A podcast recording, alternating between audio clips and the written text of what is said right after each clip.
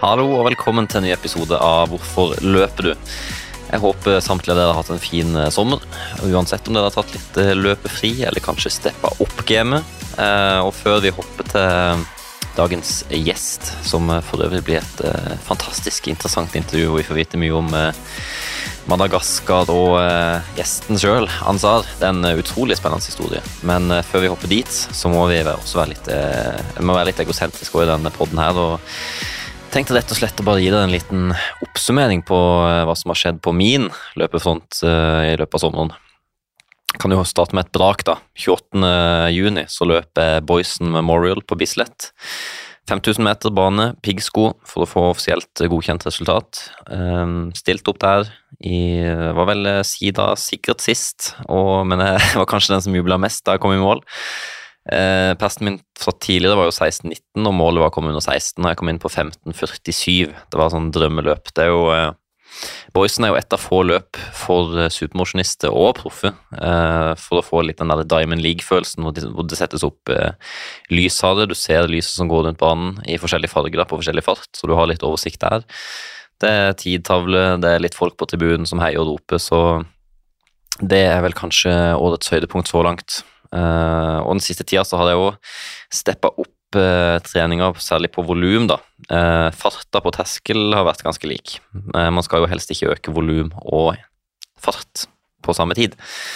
Eh, så jeg har økt volumet. Jeg har stort sett ligget på rundt 100 nå i ganske lang, lang tid. Blitt veldig robust og god på det. Og så i slutten av, slutten av mai, starten av juni, slutten av mai, så var jeg oppe og kjente på 130-140. Litt ned igjen i flere uker, og så nå i juli så begynte jeg å smake litt på 125, 151, 130, og så hadde jeg 145 nå forrige uke, og nå i denne uka her så har jeg jo i skrivende stund som podden kommer ut, så ligger jeg på ca. 70 på torsdag. Og i morgen skal jeg løpe 3000. 3000 meter. Den forferdelige distansen vi må løpe på skolen. Det er jo for seg, det kunne vært et eget tema, en episode hvorfor løping selges inn på en så forferdelig dum måte på skolen. Man burde jo ta, ta en time hvor nå skal vi lære oss å løpe i sone 1. Nå skal vi lære oss å kose oss med løping. Men nei da, det er beep-tester, det er 3000 meter, det er 60 meter, det er, zone, det er ikke sone 5, det er sone 10. Men eh, ja, jeg skal nå tilbake dit, da. Løpe en 3000 meter. Eh, bare for gøy. Eh, det står ikke noe VM-gull på spill eh, her heller, men eh, det er en gøy test, tenker jeg. Og eh, virkelig løpe løpet. Eh, og puste løpet. For det, man, man puster ikke så mye, det høres jo teit ut. Det er mange, Hvis jeg sier det til folk som ikke løper så mye, så ler de jo. Men uh, man puster jo ikke så mye på den måten på halvmaraton, ti kilometer maraton. På 5000 meter så begynner du å smake litt på den pustinga, at uh, det er pustevondt. Så ja, 3000 eh, på Jessheim. Uh, og det har skjedd litt. Ting har forandra seg. Løpsplanen min har forandra seg litt. For jeg fikk tilbud av via Torshov Sport. Jeg skal løpe på en måte for de, da, eh, i Berlin. Berlin Maraton.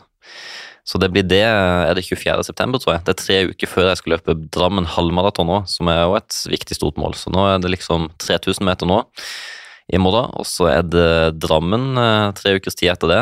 Og så er det Berlin tre uker etter det.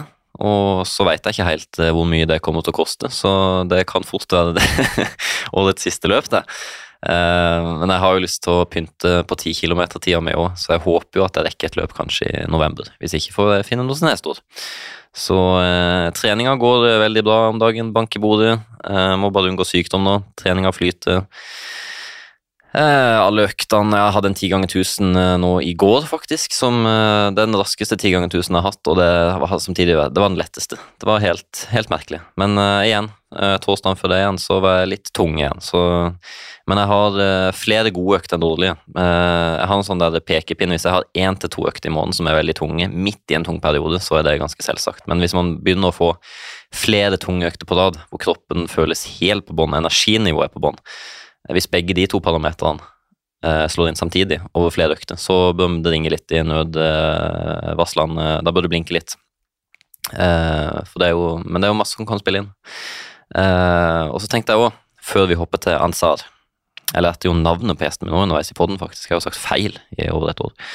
Men uh, før vi hopper videre dit, så tenkte jeg å snakke litt om styrketrening. For det er noe jeg får litt spørsmål om, uh, og noe jeg tok opp ordentlig nå i uh, januar. Da jeg var litt sånn småskada, murra litt på litt sånn beinhinnebetennelse.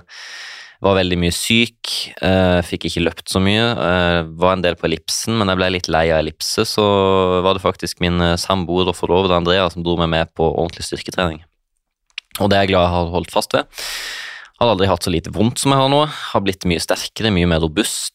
Eh, får bedre teknikk. Jeg klapper ikke sammen på en 5000 meter, som jeg kanskje gjorde i fjor, eh, de siste 1000 meterne, men nå girer jeg opp og står løpet inn og kan smelle til i bakken og ha lår som står imot. Så det er en sånn deilig følelse å kjenne på. Så jeg har bare lyst til å selge inn løping.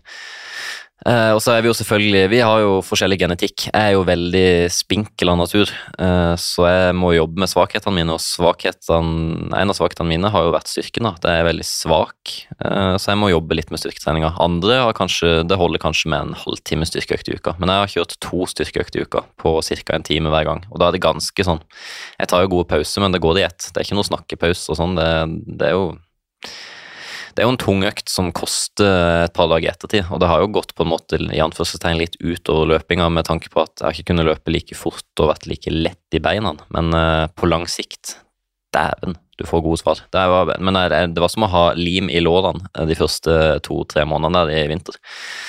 Uh, men du er nødt til å holde på det jevnt og trutt. Ikke ta en styrkeøkt, og så venter du tre uker igjen, og så en ny, for da blir du bare støl. Du, du må stå i det og være støl i to, tre, fire uker i starten, og så blir det gradvis litt og litt bedre. Men eh, det er selvfølgelig det er tungt, men eh, det gir utrolig mye. Og øvelsene jeg kjører, er jo typisk eh, knebøy, markløft, ettbens markløft, utfall, bulgarsk utfall. Eh, og så hadde jeg også kjørt litt overkropp òg, bare for å gjøre det òg. Litt sånn nedtrekk med brett og smalt grep.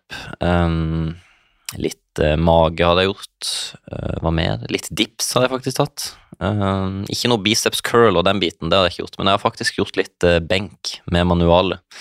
Bare for å få litt blodsirkulasjon i overkroppen òg. Og det har jo nesten av og til noen ganger vært det tyngste og, uh, på terskeløkta. Det tar meg sjøl i å være sånn sliten i skuldrene. Men det er, jo, det er fint og viktig å ha en god pendel også, når du løper. At du beveger armene òg. Det er mye forskjellige armbevegelser. Vi jo, vi er jo, det er jo litt medfødt, og noen har litt sånn T-rex-armer, mens andre har eh, Vi flytter de forskjellige, men jeg tror det er bra å ha litt eh, pendel og tenke litt på det på armbruken òg. Det, det, har litt å si. Vi må tenke detaljer, ta sekunder der vi kan. Så styrketrening det vil jeg slå et slag for. Jeg ønsker alle lyttere en eh, fin eh, løpehøst. Nå går vi høsten i møte. Det er ikke så mye eh, skitten luft fra pollen. Pollenstøv har lagt seg. Pollineringa er ferdig. Lufta blir ren og fin og god. Nyt duskregnet hvis det er det. Og så satser vi på at vi alle får en god løpehøst. Og så tenker vi bare skal hoppe videre til et langt og godt intervju med en gjest fra Madagaskar som bare Du må ikke la deg lure av rogalandsdialekter. Uh, han er sørlending, vil jeg si. En egentlig Madaga ikke madagasker. Han er egentlig gasser. Uh, vi hopper dit. Det er en uh, ung, fin herremann som jeg møtte for litt over et år siden, og som uh, takka ja til å ta, studie, ta plass i studio for en prat om hans løpereise, og ikke minst fysisk reise fra Madagaskar til Norge. God lytt. Velkommen til eh, Hvorfor løper du, eh, Anjada? Jo, takk. Tusen takk. Så må jeg bare begynne med at jeg har jo kjent deg i over et år, men jeg har jo aldri spurt deg om hvordan man egentlig uttaler navnet ditt, så du kan jo egentlig si det sjøl. Ja, jeg heter da Dina Nzara Hirlantorangina Pienzo. Yes. Jeg skal, skal jeg prøve å gjenta? ja, sjøl. Dina An... Hva, hvordan sier du Jeg sier jo Anjada, men du sier Anzar. Ansar. Mm. Så det er egentlig det jeg burde si. Jeg har egentlig brukt feil navn. Ja, jeg har slutta å bry meg, egentlig. Ja, okay. Men det er sånn jeg har det i utlandet, for da blir jeg alltid Martin. Ja, absolutt. ja, ja, så, sier jeg bare ja. Men uh, Anzara, det funker. Det funker, altså. Ja, Men er det det navnet du bruker, og ikke Dina? Ja, det er jo egentlig det jeg bruker. Uh, Dina er et jentenavn, faktisk, på Madagaskar. Og, det det, ja. ja. Men der er det mange kjønnsnøytrale navn. Ja. Så jeg kunne hatt akkurat samme navn og okay. være jente. Ja, ok. Og vi skal jo lære det masse om Madagaskar nå. Jeg tenker vi bare må begynne med Madagaskar først. Fordi det første vi nordmenn tenker på, er jo filmen Madagaskar. Mm. Mm. Så jeg tror veldig mange har et sånn uh, romantisk forhold nesten til Madagaskar. Men vi skal, jeg har eh, lest masse historier nå, og litt forskjellig, så jeg har plukka ut litt forskjellig som vi skal snakke om. da. Så kan du rette på meg underveis hvis jeg sier noe feil.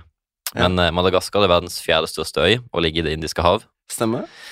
Eh, hovedstaden er Dere har vanskelige navn. Vi har bare Oslo, liksom. Det er så lett. Men her er det Antananarivo. Ja, perfekt. Var det perfekt? Ja, Antananariv, eller Tana, det pleier vi å si. Men Ja. det er jo Tana i Norge òg, så Det vil vi ha til Tana, ja. Eh, og landet har totalt 29 millioner innbyggere. Jeg så det var sånn der 28,92 eller noe sånt i fjor, så jeg bare regner med at det har blitt 29 nå. ja, Ja. sånn cirka. Mm. Eh, rangert som nummer 30, 51 i arealstørrelse i verden. Mm. Mm. Det nasjonale mottoet til Madagaskar er Fitiavana tanindrasana Fandrosuana, som betyr kjærlighet, fedreland og fremgang. Stemmer. Ja, nei, det, er, du har lest deg opp, altså. Ja, jeg, jeg, jeg, men jeg elsker geografi og land og alltid vært fan av det. Satt og tegna masse flagg da jeg var liten, og alltid vært interessert i generelt verden. Ja, Så jeg har tatt et skikkelig dypdykk her. Men vi skal tilbake til løping, altså, for de eh, lytterne som begynner å stresse nå. Men eh, litt Madagaskar-info syns jeg er kult. Yes. Fra 1896 til 1960 var landet en fransk eh, koloni, og så har eh, tiden etter avhengigheten vært litt sånn politisk ustabil med flere Mm. udemokratiske maktskifter. Så det er jo mye, det er mye drama i Madagaskar eh, as we speak, og det har vært mye Det er masse historier fra Madagaskar som er interessant, så jeg anbefaler alle etter episoden å bare google Madagaskar og sette seg litt inn i historien og alt landet har vært igjennom, for det har vært mye. Absolutt. Absolutt. Eh, Så man snakker jo da fransk og gassisk, da. Ja, det er de offisielle språkene. Ja, Mm. Så man kaller man, hvis man er fra Madagaskar, da er man en gasser, Stemmer. og man snakker gassisk. Ja. For jeg tror 9,9 av 10 i Norge tenker at man er madagasker, og snakker Ja. madagaskisk eller noe sånt. Ja, gasser, gasser og gassisk, det er det vi pleier å si. Ja. Eh, Men det, det står jo madagassisk noen plasser òg. Ja, ok. Ja. Ja. Men det er liksom offisielt, så er det gassisk og Mm. gasser. Mm. Eh, Kan du si hvorfor løper du på fransk først? Pourquoi est-ce que je cours? Ja, nice. Nå, Pourquoi det, Ah, Det er jo lenge siden jeg snakka fransk. Så ja, men dere lærer fransk på skolen, eller? ja, jeg, jeg er jo egentlig bedre i fransk og, enn i norsk og engelsk. Ja, ok. Så det er litt rart, men eh, Ja, ja. Mm. Så du kan det skikkelig sk skrive og snakke Ja. fransk? jeg har hatt det fra barnehagen til jeg flytta til Norge, basically. Så Ja. jeg har gått på skole, studert Ja, på fransk. ja kult. Mm. Eh, på gassisk, da? Åssen vil du si 'hvorfor løper du'? Faoni non Ja Det er jo perfekt hvis vi har litt lyttere fra Madagaskar og Frankrike nå, så henger de litt med. Eh, og 26. juni er nasjonaldagen. Eh, Ja. Nasjonalsangen heter Ry tanindrasanai malala ø. Eller en sånn O med en sånn Ø, ja. Det blir Å. Ja, det okay. blir Å. ja. Mm. Hva betyr det? Betyr det vår eh, fantastiske øy, eller noe sånt? Uh, vår elskede land. Ja, Malala er elskede, ok. så det kan være et navn. Ja, jeg tippa bare at det var øy på slutten, siden det er bare en sånn Ø. Taninjazene er fedreland, da, så Ja. får eh, elskede fedreland. Ja. Mm. Eh, Madagaskar er jo et rikt og unikt mangfold av arter. Ca. 80% av floraen og faunaen er endemisk, som man kaller det, Mm, som finnes mm. kun på Madagaskar. Mhm. Eh, og det mest ja, nasjonaldyret Jeg vet ikke om det er offisielt nasjonaldyret på Madagaskar, men det må jo være lemurene. Ja, det er, jo, det er jo de vi er best kjent for, egentlig. Fordi de Ja. finnes kun der, og det er et så utrolig stort mangfold av lemurer. Ja. Ringhale-lemuren er jo maki. Det er de som er kjent, iallfall i Norge, i noen sammenhenger. Og Er det de vi har i Dyreparken, nå, heter det? Ja, absolutt. Ja. Det er jo de. Det, det er de. Så Ja, okay. det er de som er best kjent. Og vår eh, rugbylag, vårt Mm. eh, nasjonallag, er jo Maki. Det er det de heter. Ja, ok. Mm. Eh, videre så Ja, litt av problemene, da. Vi må ta litt problemer før vi skal Mm. runde av med Vi skal selge inn Madagaskar, da, men vi må jo ta litt historie og hva landet har da utfordringer. Men i 1960, da landet ble selvstendig etter Frankrike, så var det seks millioner innbyggere. Mm. Altså litt flere enn i Norge. Hvor mange er vi i Norge? Er dere Er det- har vi bikka seks? sånn mellom fem og en halv og seks nå? Ja, det er vel noe sånt. Så cirka på nivå med Norge i 1960, og nå har det altså bikka 29. Ja. Eh, og myndighetene regner med at det kommer til å stige til 45 millioner i, innen 2040. Ja. Ja, det er vilt. Så det skaper utfordringer når det gjelder skolevesen, helsevesen, skaffe jobber Mm. til halvparten av befolkninga som faktisk er under 20 år. Mm, mm. Eh, så eh, det er litt utfordringer der på Madagaskar. Ja, det er ikke bare fryd og gammen og fine filmer og eh, Ja, det er, jo, det er jo det aspektet av landet som folk ikke nødvendigvis får, får med seg. Nei, Det det er ikke... jo glansebilder og turisme og sånn, men Ja. eh, det er en stor utfordring som preger livene til de aller, aller fleste gassene. mm. Ja, for eh, det er jo et land som sliter med mye korrupsjon, Mm. blant annet. Eh, jeg så Madagaskar det er nummer 149 av 180 land på det som kalles for Corruption Perception Index, som er en sånn skål score liksom, på hvor mye korrupsjon det er i landet. Så Mm. det er òg noe som uh, sliter Som òg er en av utfordringene som landet har hatt. Mm. Um, og så må jeg bare ta en uh, Dette her er et, egentlig et spørsmål, men det er en lang intro. det er egentlig bare et ja-nei-svar som jeg skal ha, men det er en kjempelang innledning. Som jeg fant på eh, Det er ikke en kjempegod kilde, men det er Wikipedia. Ja, det kan gå, det. Ja, det, jeg tror det kan gå. Ok, her kommer det. Portugiserne var de første som forsøkte, å, eh, forsøkte kristenmisjon på øya uten særlig hell på 1600-tallet. Senere kom franske og britiske misjonærer. De lavkirkelige britiske misjonærene fra London Missionary Society kom til Antanarivo i 1818. Er det riktig navn? Antanarivo. Ja, det er hovedstaden. Ja, og begynte å oversette Bibelen til gassisk. Ja. De startet også leseopplæring. Merinakongen Radama i regjeringstid 1818-1828 var svært interessert i arbeidet og bestemte at gassisk skulle skrives med latinske bokstaver. Mm. I 1827 kunne nesten 4000 gassere lese og skrive. Åtte år senere kunne 30 000 lese. Misjonærene rakk akkurat å oversette hele Bibelen før de måtte forlate landet fordi dronning Ranavalona Ranaval, ja. i regjeringstid 1828-1861 opplevde at misjonærene truet den tradisjonelle kulten. Hun satte i gang forfølgelse mot de som var blitt kristne, og da de britiske misjonærene kom tilbake i 1860-årene, så var det flere kristne enn da de reiste til tross for 30 års forfølgelse av kristne. Mm. Oppmuntret av disse nyhetene sendte også den norske, Det norske misjonsselskap sine første misjonærer til Madagaskar i 1866. Det var Jon Eng og Nils Nilsen som begynte arbeidet i Betafo i 1867. Mm. Betaf, ja. Ja, Betaf. Er det riktig? Ja, den siste O-en eh, Ja, ok, den sånn blir stum. eh, Ja, stemmer, stemmer. Siden har det uavbrutt vært norske misjonærer på øya. De satset på skole og helsearbeid og bygde håndverksskoler og jordbruksskoler. Også omsorg for spedalsk og arbeid for blinde og døve fikk en viktig plass. I 1950 opprettet gassiske kristne sammen med norske, amerikanske og franske misjonærer den gassisk-lutherske kirken på Madagaskar. Etter hvert er det denne kirken som styrer alt det lutherske kirkelige arbeidet. Kirken har nærmere tre millioner tilhengere. Kirkepresidenten heter nå Rakontiring David. Eh, det var kanskje litt feil, Nei, okay, det var feil. han eh, Det siste var feil. Dessverre 27. Ah, ok. Er sikkert ikke helt oppdatert, nei.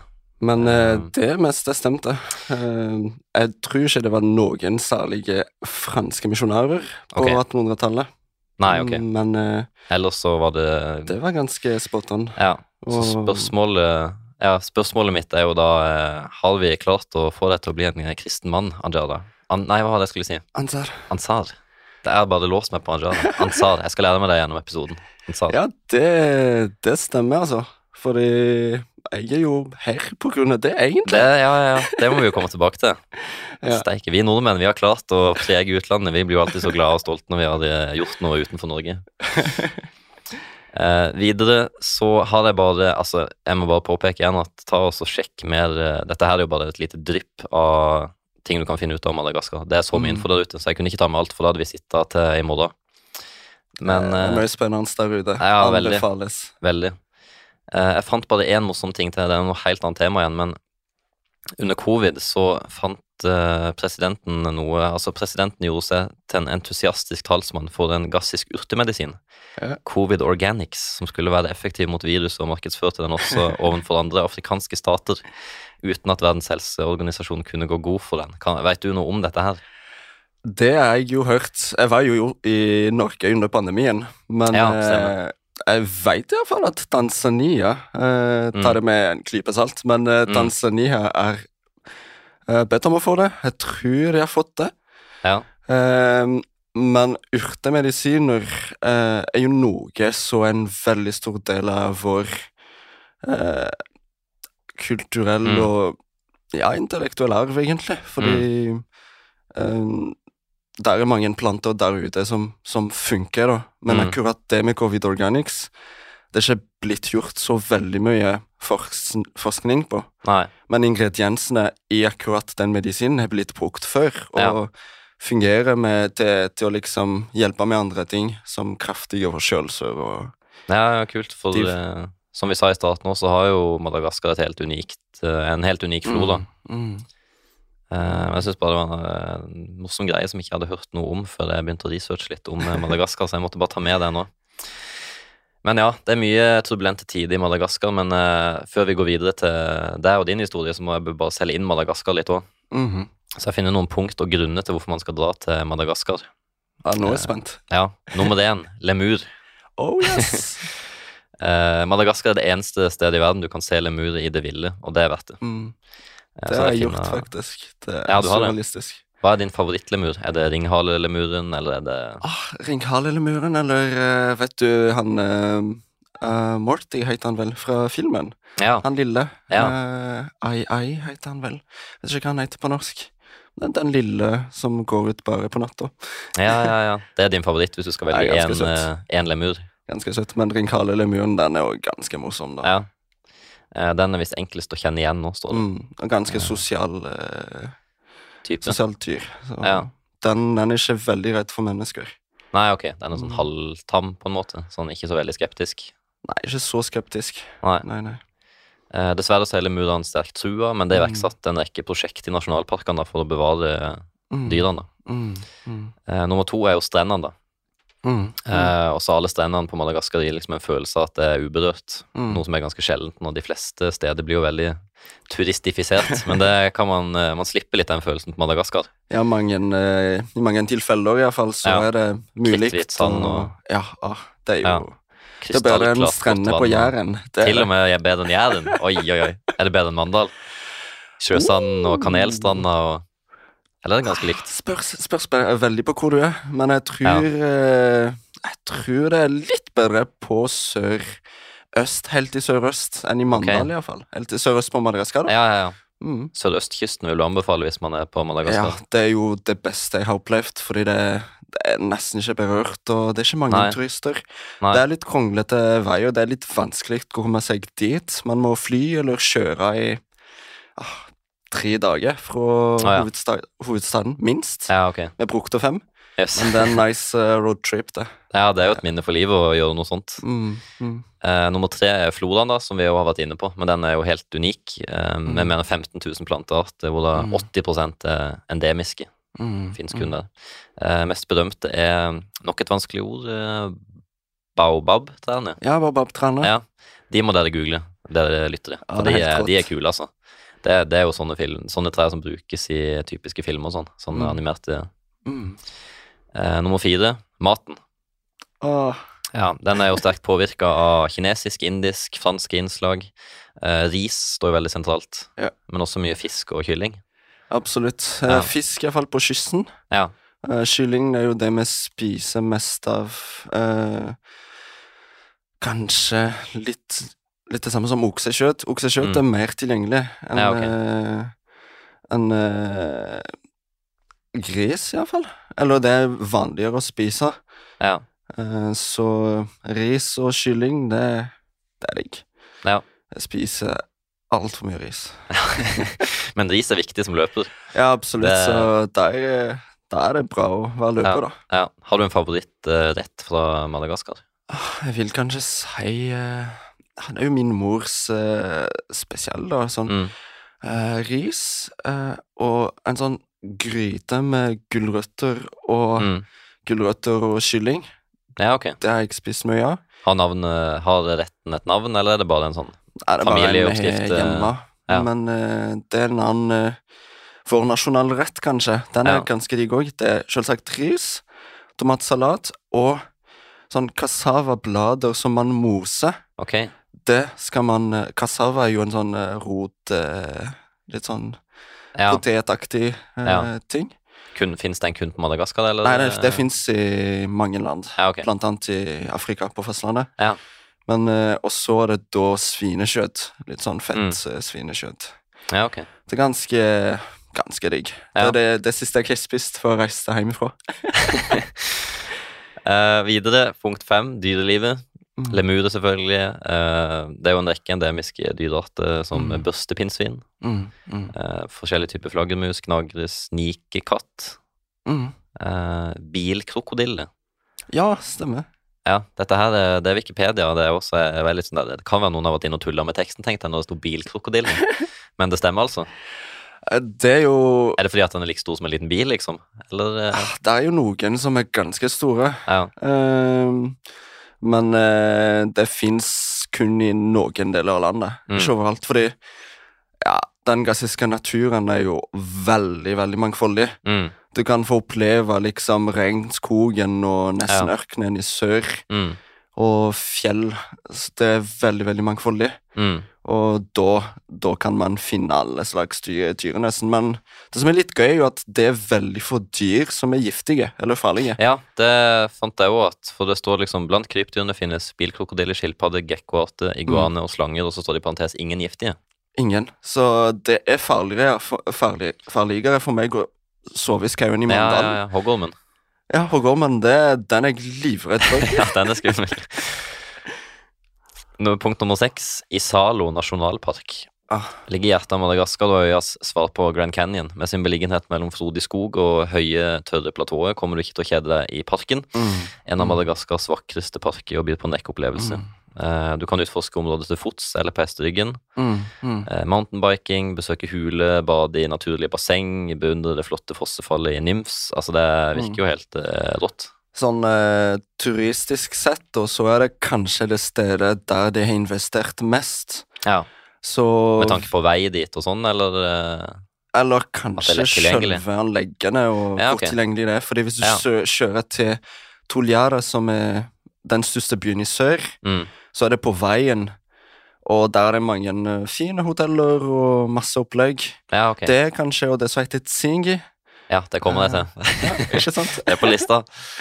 Det er de to eh, nasjonalparkene du vil eh, anbefale. Vi kan jo Mm. bare ta Tsingio med en gang. Eh, en av de eldste parkene på øya. Eh, ikke noe annet sted i verden er lik den eh, utgamle parken, som det står, som har en velfortjent plass på Unescos eh, verdensarvliste. Mm. Eh, ja, steile canyons, kalksteinskog, bratte Mm. klipper.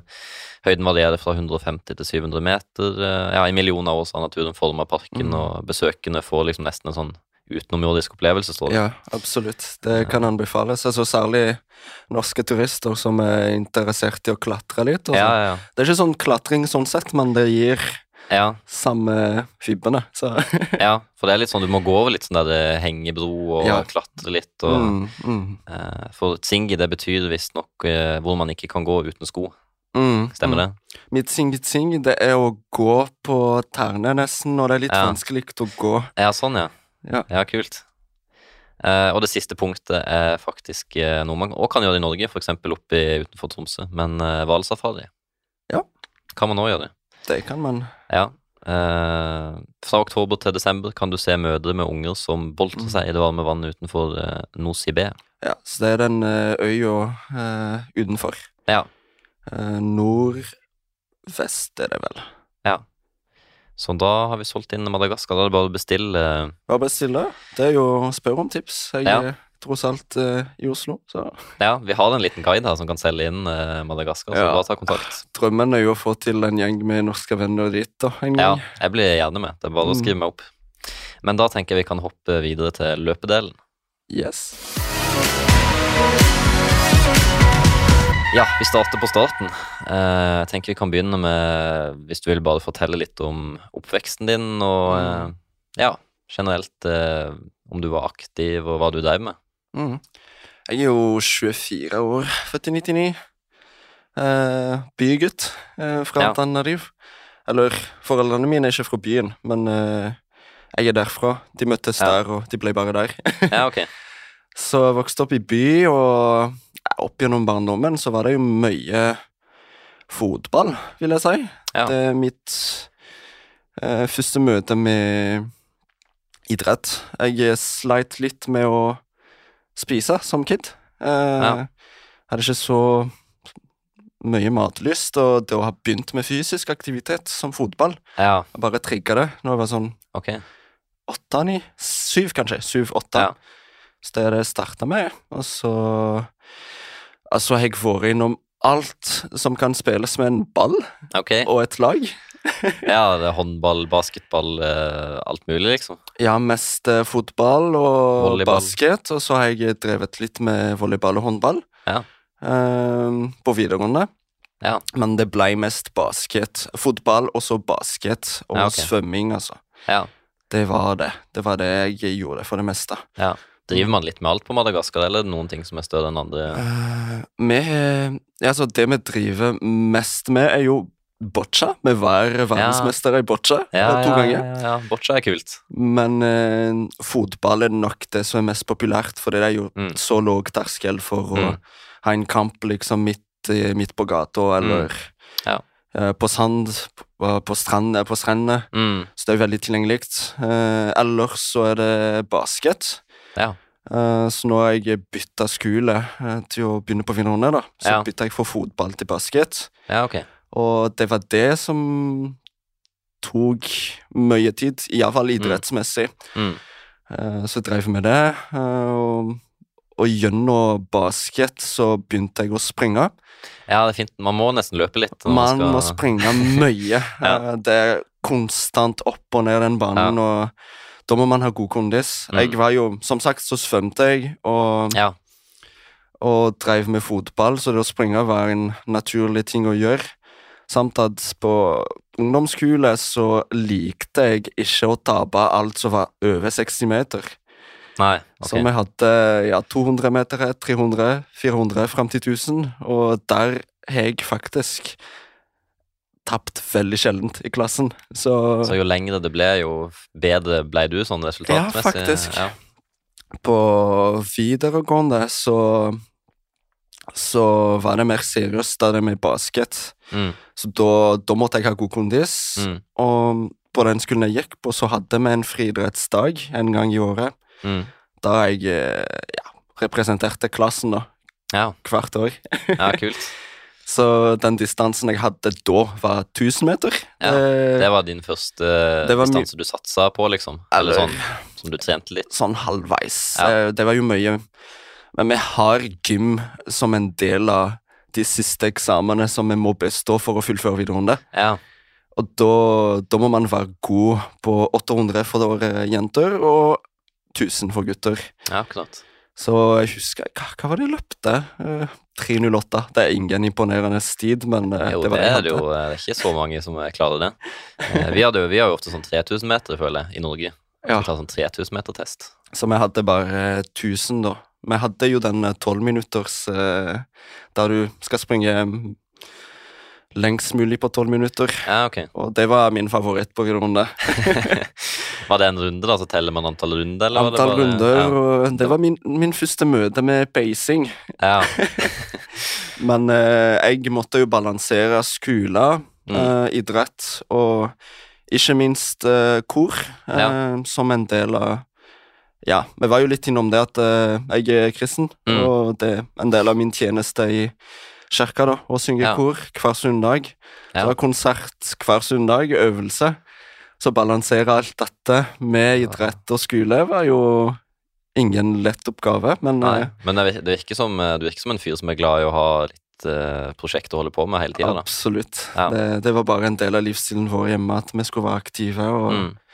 Ja, det, det prega resten av mitt liv, da. Mm. Mm, Men da var du generelt en aktiv gutt fra tidligere, da? Som Ja. alltid drev med noe? absolutt. Ja. Eh, jeg har jo sinnssyk konkurranseinstinkt, eh, Ja. så alt glad i å tape? idrett ah, Ikke glad i å tape. Den ene gangen jeg var så opprørt at jeg eh, ja, Mine venner hjemmefra, eller mine norske venner, kommer nok til å bli litt forskrekka nå, men jeg Ah, ja. banna på Ja, banen. det, jeg tror ikke jeg, jeg, ikke jeg har hørt deg banne ennå. Det var fordi vi tapte, Ja, og noen eh, tulla med det. Ja. Så jeg, eh, jeg var sur. ja, ok. Ja. Så jeg Men, liker å være aktiv og Ja. Mm. ja, for du slår meg ikke som en som hater å tape, egentlig, for du er alltid veldig i godt humør. Og, Ja, jeg har jobbet, jeg veldig mye med det. Ja. Eh, Norge har nok endra meg litt der. Så, Ja, ok. mm. Ja, altså, det er oppveksten din, da, men eh, så må vi ta litt Hvor gammel er du når du finner ut at du skal havne i Norge? Det er jo et stykke unna eh, ja, Et absolutt. stykke unna Madagaskar å reise hele veien opp til Norge. Jeg fikk vite at jeg skulle til Norge eh, den dagen før eh, jeg ble 19.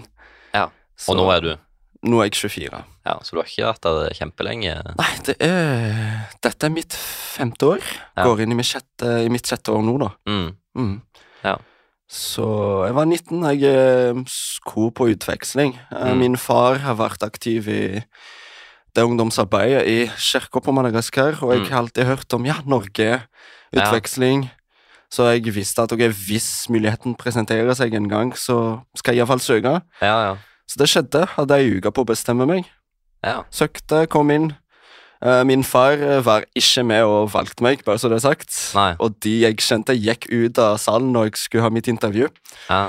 Men uh, fikk likevel beskjed av Emil, han er en norsk som heter Emil, Mm. at uh, velkommen til Norge. Så det var jo litt Ja. sånn surrealistisk at jeg skulle plutselig forlate Og da heimestedet, mitt studie som eh, ingeniørstudent, Ja. for å være et år eh, i Norge Ett på utveksling. Det var planen med et år. Et år. Jobbe i kirka i et år, Ja. samtidig som jeg skulle ta et uh, fagskoleår i tverrkulturell forståelse og internasjonalt arbeid på en skole som heter Hall internasjonale skole i Mandal. I Mandal. Min eh, Jeg vet ikke om jeg kan kalle det min hjemby, men det er jo nærmeste byen. fra der jeg opp, Så det er, jo, det er jo der jeg er på videregående, og Mm. det er jo min nærmeste by.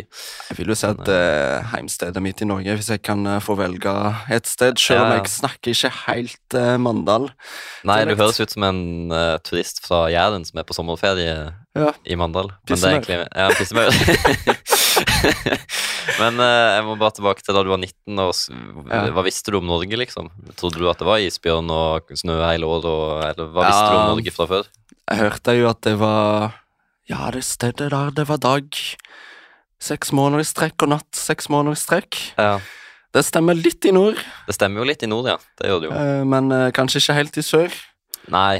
Men eh, det og at kulturen var nok litt annerledes, litt så å si kaldere enn hjemme. Ja. Da det var vanskelig å få seg venner, og Mm. da det var på en måte Og der folk flytta hjemmefra da de Idet de bikker 18-19, Mm. noe jeg endte opp med å gjøre. Ja. Men eh, nok de stereotypene, det jeg fått hørt. Men eh, ja, det, det var spennende. Jeg visste òg at eh, Petter Solborg var eh, Ja. verdensmester i rally. Jeg Ja, var du jo interessert han, i biler. Ja, ja, ja. Han Men ble verdensmester i 2003. Da var du fire år. Ja, men jeg har vokst opp med han som liksom Ja, han, har jo, han holder jo vel nesten fortsatt på, gjør han ikke det? Ja, ja, Ja. Nå, nå er Oliver ganske god. Så, ja, ja, ja. Så det, de, det var dine første norske ja, Norge, så Norge var meg eh, Det var rallykirka og en helt annen kultur, ja, ja. egentlig. Ikke noen fotballspiller du visste om? Solskjær eller Nei. Nei. Faktisk ikke. Nei. Føler alle hadde hørt om Solskjær, men uh, du er kanskje litt for ung, tror jeg. Ja, Kanskje de som er litt eldre enn deg, de har nok hørt om Solskjær da, med. Champions League og 1999. Det blir litt for uh, seint for deg. det blir litt for sent. Ja, Ja. jeg tror det. Uh, og så, uh, ja, du blir 19, blir 20, og så skal du egentlig tilbake igjen til Madagaskar, men eh, Fikk et jobbtilbud ja. i, på den skolen idet jeg lurte på hva jeg skulle. Så, Ja. For jeg ble jo utvist fra den uh, høyskolen jeg gikk på, fordi jeg fikk ikke lov til å ta et års permisjon. Og jeg sa Ja. jo nei, reise, for søren. Det, det Ja. skjer ikke. Jeg reiser. Ja. Så jeg ble utvist, og idet jeg eh, prøvde å finne ut av hva jeg skulle, så fikk jeg en telefon om at uh, du, sa det, Mm. jeg vil ha det tilbake på Hall som eh, trainee, eller miljøarbeider. Så du skal til Kristiansand for et intervju. Okay. Du skal være miljøarbeider på Kristiansand folkehøgskole. ja, kult. Så det, det gikk, det òg. Så det ble ett år til, da. Ja, så det har liksom bare balla på seg med Ja. Et nytt år et nytt år. Og så har du begynt å studere og litt forskjellig. Ja, I 2019 så oppdaga jeg at jeg var mest glad i å være med folk Mm. enn å jobbe med ting. Jobbet Mm. med fly og litt slikt eh, under studiet. Det var veldig gøy, men eh, jeg ville jo bli lege. Det var planen min, og jeg hadde kommet inn, Ja. men det var ti år. Hadde jeg ikke lyst på det. Nei. Så jeg endte opp på ingeniør, eh, ingeniørfag fordi jeg likte det, men jeg ville jo jobbe med folk. Ja. Så da tenkte jeg at jeg var interessert i teologi, altså kristendom, Mm. og religion, og ikke Mm. minst mennesker. Mm. Så jeg starta prosessen med å søke på et studie Ja. her i Oslo, på MF. Bachelor i teologi, religion og samfunn. Ja. Ble ferdig med det for ja, et par dager siden. ja, gratulerer, gratulerer. Takk. Og kom inn da på studiet 12. mars 2020. Ja, ok. Og så eh, når det kommer løping inn her, da, fordi når du Mm. er 19 og flytter til Os Nei, til Mand Mandal og så. Oslo. Ja. Og så har jeg praksis i Oslo, ja. Ja. Stemmer. Eh, hvordan i, Når begynte løpinga da? liksom? Det, begynte du med det i Mandal, eller var ikke det før i Oslo? Det var altså ikke før Oslo-livet, altså den andre delen av mitt Oslo-liv, for jeg var jo her i et semester før. Og så Mm. Først, og så var jeg i sør, og så kom jeg tilbake igjen. Ja. Eh, da tenkte jeg at jeg, jeg måtte jo holde på med et eller annet. Eh, og særlig i pandemien Ja. så var det mye alenetid. Og jeg oppdaga at oi, det er jo veldig mange muligheter for langrenn i Oslo. Mm. Så jeg begynte å gå på langrenn faktisk i 2021. Eh, Ja. 1. januar 2021 var jeg på tur med to venninner. Okay. Datt kanskje sånn 50-60 ganger på den turen. Ja. Eh, Men var det gøy, eller var det det, det var gøy. Det ga mer smak, fordi jeg, Ja. jeg så at det var mye potensial i langrenn. Ja. Jeg nødvendigvis hadde ikke så mye potensial, men uh, langrenn var gøy. ja. Så- Plutselig kunne du representert Madagaskar i Jeg VM. kunne eh, faktisk, og det ja. var en som gjorde det. Jeg Ja, ja, ja. kunne, så Ja, ja. jeg vurderer det fremdeles. men, ja, det er jo eh, ikke mulig. Du har jo absolutt kondisen og Mm. eh, O2 VO2 Max-opptak. Det kan gå. Det kan gå. Men uh, tre måneder seinere og to par ski, eller to ødelagte par ski seinere Ja. Jeg knakk et par ski på Kollen. Oppe i Holmenkollen? Ja, og, og en gang på, i Østmarka. Så Ja. det, skjedde. Men det er sånn Ja, det med langrenn var gøy, men jeg er ikke god nok til å holde på med det hele året. Skal jeg ikke bare fortsette å gjøre noe? Så jeg hadde ei venninne som løpte litt Mm. fra Finland, og tenkte at ja, skal jeg ikke bare prøve å jogge igjen? Mm. Så jeg gjorde det. Uh, april 2021. Ja. Så det, det begynte med sånn fem kilometers turer eh, der jeg skulle liksom komme meg under en halvtime, Ah, ja, 25 vet, minutter, Ja. og så plutselig er 20 minutter, og jeg sleit i en måned på å komme meg under 21. ja, ok, så det var en liten sperre der. Så det var en liten sperre der, men det var sånn, ja, de løpegreiene, jeg, jeg tror kanskje jeg er litt bedre til å springe enn til å gå på langrenn. Ja. Eh, men da trente du bare sånn at du løp fem kilometer, så av og til var det rolig, av og til var det all out. Ja, det var det i starten. Den Ja. første måneden så handla det om å komme meg under 21, og Ja. etter hvert 20. Ja. Jeg hadde litt sånn som deg, sånn ei en mil altfor hardt. Ja, så det, da jeg eh, ville komme meg under 45, jeg var Ja. så fornøyd. ja, akkurat samme her. Jeg skulle under 45, det var liksom det største store målet. Så da, Sånn, avslutta den turen i et par runder der i middelaldersparken der jeg prøvde å løpe meg i hjel, så det gikk, det. ja, ja, ja. Det funker jo, det funker jo i starten, men det er jo ikke så veldig bærekraftig sånn i lengden. Men eh, ja, tida går, og du løper videre, og så Og så havner du i Oslo, og så Så var det i Oslo, da. Ja. Og da, da tenkte jeg at løping var faktisk noe jeg kunne veldig godt holde på med. mm, Fordi Som sagt før, så skulle jeg på medisin. Jeg er litt sånn nerd med Mm. alt av kropp og vitenskap rundt det. Det, det fascinerte meg. Jeg ble nysgjerrig Ja. på de treningsmetodene som kunne funke, så jeg kunne ha meg sjøl som prøvekanin. Mm, Eh, jeg er jo òg nerd med tanke på utstyr, sko eh, Måling, alt slags. eh, alt som kan måles. ja, du er glad i detaljer. Detaljer, og- Ja. rett og slett. Så jeg begynte å trene sånn halvveis strukturert da. Mm, denne våren 2021. Målet var å komme meg under eh, Under eh, 20 på Mm. 5. ja.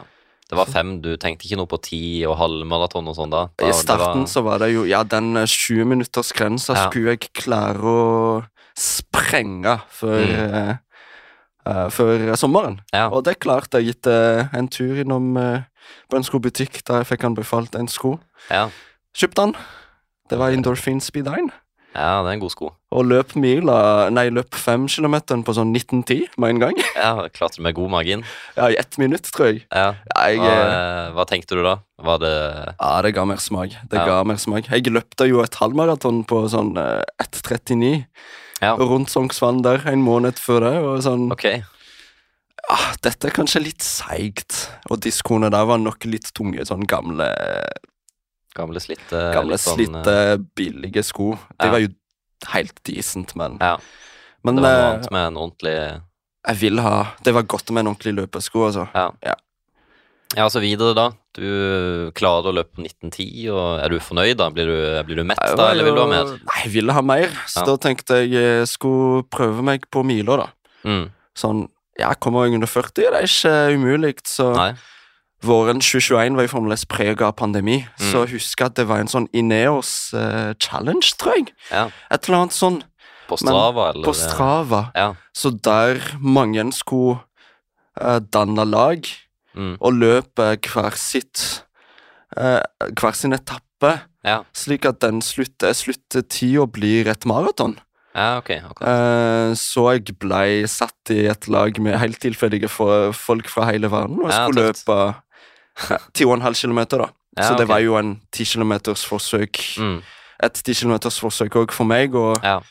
jeg eh, skulle løpe rundt Sognsvann, kilometersrunden der. ja, du valgte Sognsvann. Nei, ikke Sognsvann, eh, beklager, Voldsløkka. Ja, Voldsløkka er jo litt Den- Ja, den er kanskje litt raskere enn Sognsvann. eh, Ja, absolutt. Ja. Men litt kupert fremdeles. Ja, og det er på grus, og- På grus i min Mm. endorphin speed, og skulle liksom løpe 10 Ja. km solo, og der kom jeg vel på Hva ble det? Målet var 40, Målet var 40. eller 39,59, da. Ja, Eh, 39,59. Og ja, den heter Marathon Challenge, og jeg eh, kom inn på 39,27. Oh, nice.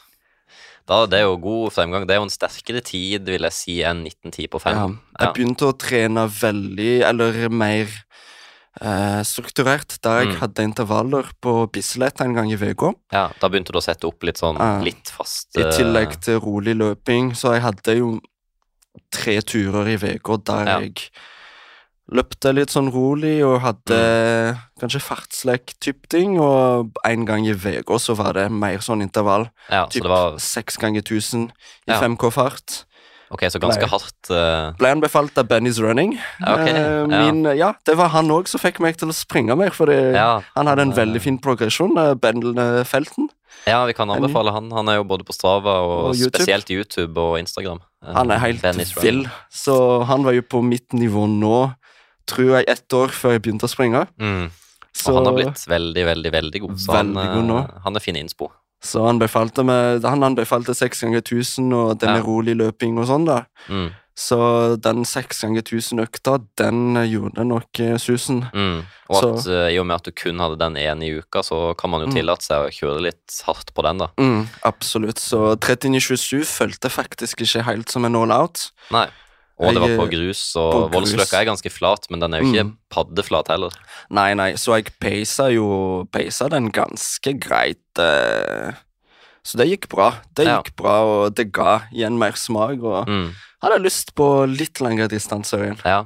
Hvor er vi her nå? Er vi sommeren 2021 eller noe sånt? Så det var Det der var i mai 2021. Ja. Eh, akkurat to år siden. Ja. To år siden, ja. Ja, nesten, ja, litt over det. Mm, mm, Ja, det er jo uh, veldig bra. Mm, Og så, ja, da har du sjekka. Du er under 20 på 5, du er under 40 på mila. mm. Hva tenker du nå? Er du, er du mett nå, eller skal du løpe enda mer? Nei, jeg skulle jo springe enda mer, da. Ja. Så denne våren så skulle jeg jo jobbe i sør. Ja, i Mandal. i Mandal og fant tilfeldigvis altså, supersko. Det var jo ah, Søren, skal jeg ikke bare skaffe meg Et par Supersko. Hva er, skal vi fortelle litt om hva er supersko? Det er konkurransesko, de moderne, med nytt skum, og Ja. gjerne noe karbon eh, type Mm. carbon rods, eller plater. det er det som er mest kjent. Mm. Så jeg fant uh, et billig par Adios Pro 2 på Ja. Finn. Ja, det er en god sko. Uh, som var så vidt brukt, fordi den tidligere eieren var skada, dessverre, så jeg fikk Mm. Ja. kjøpt den. Og idet jeg eh, gikk ut døra og skulle løpe med han, så løp jeg femkilometeren fem kilometer, veldig kupert, i Mm. Frogner, i Frognerparken der. Ja. Uh, på Var det 17.57 Oi, oi, oi. på klokka? 1757, ja. Så var sånn med god margin, for, for Ja. det var tidligere det var 1910. Ja, jeg tror uh, Jeg tror det var det, altså. Så det, det var fort det Mm. Ja. Jeg tenkte at oi, her skulle så mye å si. Du har vel trent litt òg? Eller, eh, men var det samme opplegget hvor du kjørte den typiske 6 ganger 1000 en gang i uka, og så har du tre turer med, som er ganske rolige, med noe innslag av fartslek? Jeg hadde jo litt mer eh, kontrollerte økter etter det, da. Ja. Det ble litt sånn lange turer her og der, og litt sånn Men det er den eh, seks ganger tusen som var liksom nøkkeløkta. Mm. Men jeg begynte nok å trene litt mer strukturert.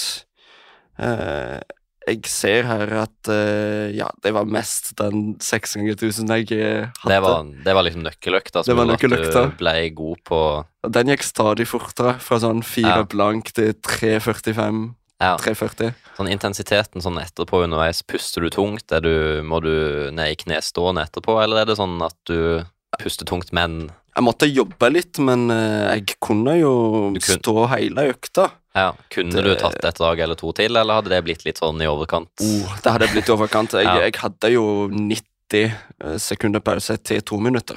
Ja. Så jeg måtte ta i litt, men Ja. eh, det, var, det, var det, jeg, det var det som funka for meg, egentlig. Mm.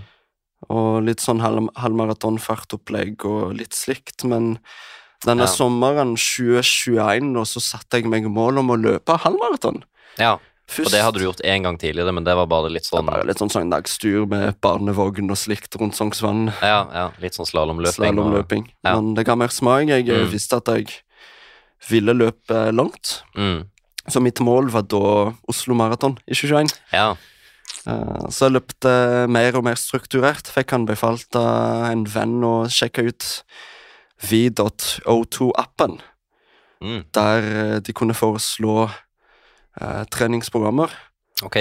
Uh, og det fulgte jeg uh, denne Mm. sommeren, 2021. Fant du bare et program som var sånn hvordan bli Mm. god på halvmaraton? Ja, jeg, jeg hadde på en måte løpt noe til en testløp, slik at de hadde fått nok info om meg til å foreslå et program. Ja. Og den fulgte jeg denne sommeren mot eh, løpet, da. Så det var mye fartslek og temporuns, så Mm. jeg likte å ha sånn 10 km tempo. Ja. Det hadde jeg veldig mye, men det, når jeg tenker tilbake til det, så er det egentlig på sånn terskelintensitet. Ikke like hardt som halvmaratonfart, men kanskje ja, rundt mar maraton. Eh, Mm. Kanskje raskere enn halvmaratonfart. Mm. Uten å vite at det var terskel, men Ja. eh, det var det. Det var absolutt det. Hadde du noen eh, proffe du sparra litt med, eller var det mest venner og at det bare det du fant på internett? Eh, med Ja. tanke på å drøfte det du holdt på med, er du litt sånn Jeg tenkte først Det var jo en uh, ganske ensom greie i starten på, på grunn av pandemien. Mm, ja. Eh, var ikke lett å få med meg eh, noen å løpe med. Kanskje en venn Einar et par ganger. Ja, ja det var litt sånn jeg hadde det under covid, at Mm. det ble mye sololøping og litt sånn soloprosjekt.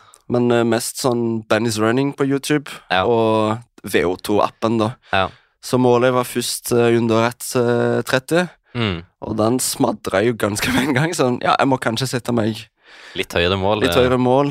Jeg løpte et 26 eh, solo rundt omkring i Mandal en gang, Ja. med bakkene og alt. Ja, ja, ja. Så med de Adios-skoene så er det sånn ah, Kanskje skal jeg eh, sette meg i 1,24 som mål. Mm, altså å ha raskere enn fire, Fire minutter per kilometer Ja. i timen. Nei, per kilometer. Mhm. Ja. Så det gikk. Eh, Ja. Løp på 1,22,51. Så Ja. det ble 3,55 i snitt. Mm.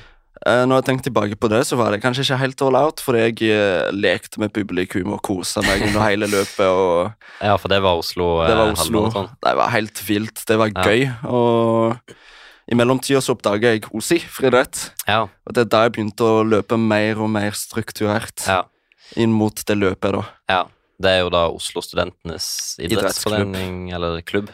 Ja, Oslo Studentenes idrettsklubb friidrett, før de har slått seg sammen med sportsklubben Vidar, da. Ja. Så da begynte du der etter Oslo halvmaraton? Før. Rett Litt før. Ja. Kanskje i slutten av august Ja. 2021. Ja. Og det var en game changer. Mm. Jeg var altfor lei av å springe alene. Ja. Veldig, veldig, veldig lei. ja. Og en kompis av meg som skulle på volleyballuttaket, sa til meg Han, han jeg bor med, sa til meg helt tilfeldigvis Du vet de har en friidrettsklubb? Ja. Å ja. Ja, sjekk det ut på Facebook. Så jeg var i Facebook-gruppa og meldte meg i OSI før min første fellestrening. ja, du var så gira på at uh... Så jeg var sånn Dette skulle bli min plass, liksom. Ja. Så det var kanskje litt for sjukt å satse på det før første fellestreninga, men eh, Det er offensivt, men det eh, var, det var altså så gøy. Ja. Å trene med folk og liksom ha noen å springe med. Det Mm. endra alt. ja. Og eh, det var litt mer forpliktende. Det var Mm. en kun, kunnskapsbank som Mm. Var bare eh, helt avgjørende. eh. Ja. Ja, jeg glemte det litt. Før, før Oslo Maraton så, så Mm. hadde jeg faktisk en fem kilometers Kjørt en liten test. liten test uh, sommernattsløpet. Ja, sommernattsløp, ja. Det er et fint løp. Ja, da jeg løpte 17,28 Ja. og ble oppført som dame, så jeg kom på andreplass. Og måtte si til arrangør at «Jeg, se på meg. Det, det var meg, det. Så, ja. men Så du det, mista den sølvplassen, da? jeg mista den sølvplassen, men Ja. eh, det var gøy. Det var gøy. Ja. Eh, Så det var det som var oppkjøringa mot Oslo Hall da, det Ja. året. Det Ja. var det femkilometersløpet. Ja, kult. Blei det liksom 2021-sesongen din det at du runda med Oslo Hall, og så begynte du å trene i OSI, eller løp Det ble faktisk eh, hytteplan. Det Ja, var siste løpet. Ja. For det kom i OSI, og folk var jo så gira på hytteplan, og jeg skjønte ikke Mm. greia. Nei? Sånn, hva, hvorfor søren skal dere være så gira på et lite løp i Hønefoss, liksom? Ja, ja, ja. Men jeg skjønte med en gang at det var større enn det jeg trodde, og Mm. gøy var det. Jeg Ja. møtte veggen skikkelig på åtta, det var vind. Det var min første ti kilometer. Det, det var hardt. Og jeg hadde nokså ikke nok kapasitet til å stå distansen, eller til å Mm. løpe så fort så langt. Så var bedre på fem enn på ti og halv. Ja. Ja, for det var din første ti kilometer i en offisiell konkurranse. Yes, Ja, ja. absolutt. Og jeg trente jo spesifikt mot fem veldig lenge, Mm, med mm. de Seks seks ganger tusen. ganger tusen øktene, så det var nok å forvente. Så Ja. målet mitt eh, etter hytteplanen var å ja, øke terskelfart. Mm, Eh, mm. Det var målet for 2021-2022-sesongen. Ja. Var det da du kom til OSI at du ble introdusert for terskelfart, eller var det noe du hadde funnet tidligere, eller var det virkelig der du Threshold, det, threshold var jo noe jeg har hørt, men Ja. jeg ante ikke hva, hva det innebærte. Jeg visste at Ingebrigtsen drev med det. Ja, men hva er det for noe? Det visste du ikke helt. Det, det var jo- roligere enn det jeg trodde. Ja. Jeg eh, var jo kjent med det internasjonale begrepet, ikke Mm. den norske lavterskelsmetoden. Nei. Det er Så- litt forskjell på det, ja. Jeg, fikk jo litt sånn uh, Gustav var jo veldig på meg. Gustav, treneren, sa han Ja. Ikke vær for ivrig nå, det. Mm, det. Så det ja. sånn, jeg løper jo kontrollert. Så jeg pleier å løpe fortere enn dette til vanlig. ja, ja. Og målte en rolig 3,6 i laktat der, Mm. som var litt, litt høyt, men det gikk. Ja, fordi laktat eh, vil du bare fortelle litt bare for de som ikke er sikte på laktat. For eh, de som ikke veit, så er det da eh, en måte å måle Altså, det, det er jo Den enkleste måten å si det på, selv om kanskje ikke det er noen enkel Ja. måte. måle eh, andel anaerobisk bidrag i løpinga. Altså, Mm, når vi skal løpe langt, så må vi forbrenne eh, karbohydrater. Kanskje lett forklart. mm, Aerobisk med oksygen, med liksom det systemet. Og jo fortere man springer, jo Mm. mer anaerobisk bruker man, typ sprint. mm, Og man vil jo ha minst mulig av det for å Mm. kunne løpe langt. Så jo høyere det tallet blir, jo mer Jo nærmere sprint man kommer, da. Veldig enkelt Ja. forklart. Så det er vel litt at det bygger seg mer og mer, eh, Mer og mer melkesyre. bygger seg mer melkesyre. opp, ja, melkesyre som man kaller det, at det, du produserer det mer enn kroppen klarer å kvitte seg Mm. med. Og hele poenget med treninga var å vende kroppen til terskelen der man klarer å bli kvitt det melket, eller det syret, like fort som man produserer det. Mm, du skal klare å ikke bikke over, da. Mhm. Ja. Og jo mer man gjør det, jo høyere fart klarer man å, Mm, å løpe på uten å bygge på seg altfor mye Mm. eller melkesyre. da. ja. Så er det jo litt individuelle forskjeller på hvor man Mm. ligger sånn fra person til person, og hvilke Ja. måler du bruker. Og, Mm, absolutt. Men eh, standarden er vel å ligge mellom ja, rundt Um, to og vake litt høyt på totallet. Det kommer jo selvfølgelig litt an på om man skal ha høy Mm. eller lav terskeløkt. Ja, Ofte man, så Jeg tenker jo at på supermosjonistnivå, eller mosjonistnivå, så tre er absolutt det man det, Ja. det, det er bra nok. Ja, rundt der. Og jo mer man løper, jo lavere Mm, den verdien blir. mm. Jeg har merka det på meg sjøl. Marius Bakken, som er den faren Gudfaren i Gudfaren i den norske treningsmodellen. Ja. Han har jo opplevd sjøl at det gikk ned fra tre til ca. to for han Mm. senere i karrieren, og mange i treningsgruppa har opplevd det. Mm. Så På samme fart, da? Eller på samme samme intensitet, da. Ja. At uh, man, man merker jo det. Det er jo følelsen som trumfer til og med lagt til målinger. Det er følelsen Mm. som teller. Mm. Og der du, du anstrenger deg for mye, da er du over, ter- over terskel. Det er Mm. en følelse man trener. Ja. For, Så- eh, ja, det er veldig gøy, for vi, vi trener jo i samme tog nå. Vi trener jo i samme Ja, ja. klubb, og du er veldig laktat. Du skal måle hver gang. Jeg har målt tre ganger i mitt liv, så vi har veldig sånn forskjellig tilnærming. Men eh, begge deler funker, og det syns jeg er litt Mm. fint. At eh, du må ikke måle hvis ikke du er interessert i det, men så allikevel så kan det være en kjempemotiverende kul greie. Mm, mm, Så jeg har jo vurdert å begynne med det etter hvert, og mm. måle Og, laktat eh, sjøl. Jeg har tatt tre stikkprøver, og da har det liksom vært Det har stemt spot on med følelsen jeg har. Mm. Så jeg løper jo mye på følelsen, da. Men det er jo noe man kan gjøre etter hvert når man har løpt en god stund. Det er kanskje litt vanskeligere i starten å løpe på følelsen, for da løper man alltid for fort. Ja, jeg, jeg gikk jo på en smell i desember 2021. Ja. Da jeg løpte altfor mye, altfor fort. Mm. Uh, prøvde å øke både volum og intensitet samtidig. Det er jo recipe before disaster. Ja. Så jeg har fått en eh, kneskade der som tok meg ut i et par måneder Ja. totalt. Så det viktigste med den treningsmodellen er jo å holde kontroll. Mm. Holde kontroll, og jeg var litt over terskelen, Ja. Litt for lenge. Så det, det har skjedd. Mm. Så lært av den feilen, så det var grunnen for at jeg ville begynne å måle litt mer og, og la meg ikke liksom rive, rive meg ned mm. på Mm. trening. Men det er jo en bra ting å vite Mm. at når, man, når det skjer et uhell, så hopper du ikke bare tilbake igjen og fortsetter med det samme, Mm. men du tar noen grep for å unngå at det skal skje igjen, da. Så jeg løpte jo, før jeg ble skada, så løpte jeg terskel like fort som ett år seinere, da jeg løpte mil og typ nesten tre minutter raskere. Ja, ikke sant? Så jeg løpte altfor fort, Ja. og altfor mye på terskel. Det er ikke sånn, det heldigvis er ikke fasit sånn at jo raskere du løper på trening, jo raskere det går til konkurranse. Nei, det kan heller lønne ikke. seg å roe litt ned. Mm, så jeg eh, gikk fra å løpe altfor fort til å være en av de som løper mest kontrollert i gruppa. Ja, det husker jeg jo eksempel bare i fjor høst, så lå jo jeg alltid litt Jeg var kanskje litt ivrig den perioden, men du var jo eh, desto defensiv, så da skilte det jo igjen et par grupper sånn togmessig med hvem vi løp med.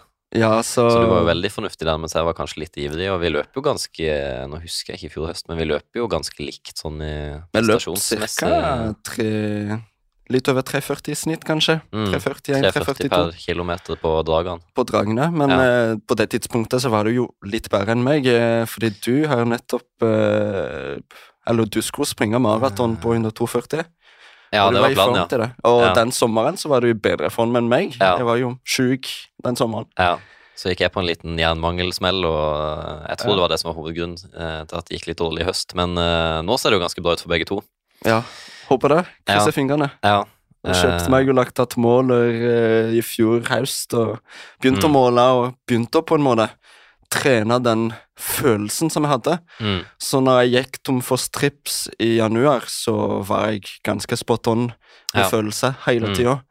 Og var overraska over hvor At jeg hadde samme laktatverdier som før jeg slutta å måle, mm, i høyere fart, når jeg begynte å måle igjen. ja. Så det var den følelsen jeg klarte å trene ved å måle en gang Ja. uh, per økt, da. Så igjen, man trenger ikke å måle hver bidige gang. Men å ha en sjekk en gang iblant er jo lurt Mm. hvis man har anledning til det. Mm, Men den følelsen, det er det man må trene. Det er sånn ja. maratonfart, egentlig. Det var det vi løp mest. Mm, Cirka maratonfart. Litt Ja. raskere, kanskje, og på slutten av økta så går det ikke noe raskere enn halv maratonfart, egentlig. Og så må jeg bare si det, for jeg glemmer det, at uh, våre veier krysses jo. Jeg ble født på Svalbard oppi, jeg er oppe på, på Svalbard, du ble født på Madagaskar, og så krysses våre veier på sentrumsløpet i 2022. Åh, Det var tida. Ja, for da er jeg vel rett tilbake fra å ha hatt covid i mars og vært litt forkjøla etter det. Jeg har vært litt mye syk, da. Så jeg skal bare prøve å sjokke kroppen litt og komme i gang igjen. For jeg er liksom litt frisk, og nå må jeg bare få blåst ut på en fem kilometer. Eh, og så går jo starten, og så ser jeg bare en fyr med oransje alfafly Ja. Og OSI-singlet, eh, så da tenker jeg ok, han, han, er, han har alfafar, han løper i løpeklubb, jeg skal prøve å henge på han så lenge jeg klarer det.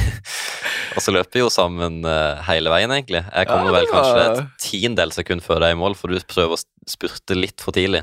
Ja, du var jo du den får, eh, eh, stakkaren som brøt vinden for kanskje fem-seks mann der. Ja, jeg var litt vindplog imot vind nå, husker jeg. Og så husker jeg nesten alle bare smatt forbi meg da vi runda svingen og det ble medvind. Og da var jeg litt sånn kokt, for da hadde jeg ligget i motvind der. Jeg var den som uh, incha spurten to ganger. Ja, ja. ja.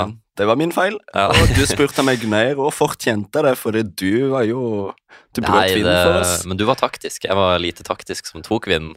Så Ja, det er jo litt så... eh, definisjonsspørsmål. eh, Prøvde å bli litt offensiv, men Ja. eh, jeg var pinnstiv på slutten der. Ja, Men det, det en- gøy var det. Ja, vi hadde vel på tape at jeg tar det i spurten der. Ja, ja, ja. Det, det er det på min eh, Insta, det. Ja, ja, stemmer.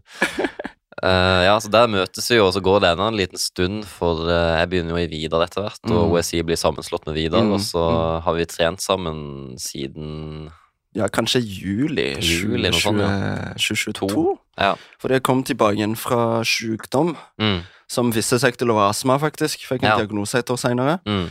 Så det kom tilbake fra det, og fra sommerjobb i 2021, og da, da begynte vi å løpe litt sammen. Du var jo Mm. mye bedre enn meg på det tidspunktet, men uh, Ja, hva er det?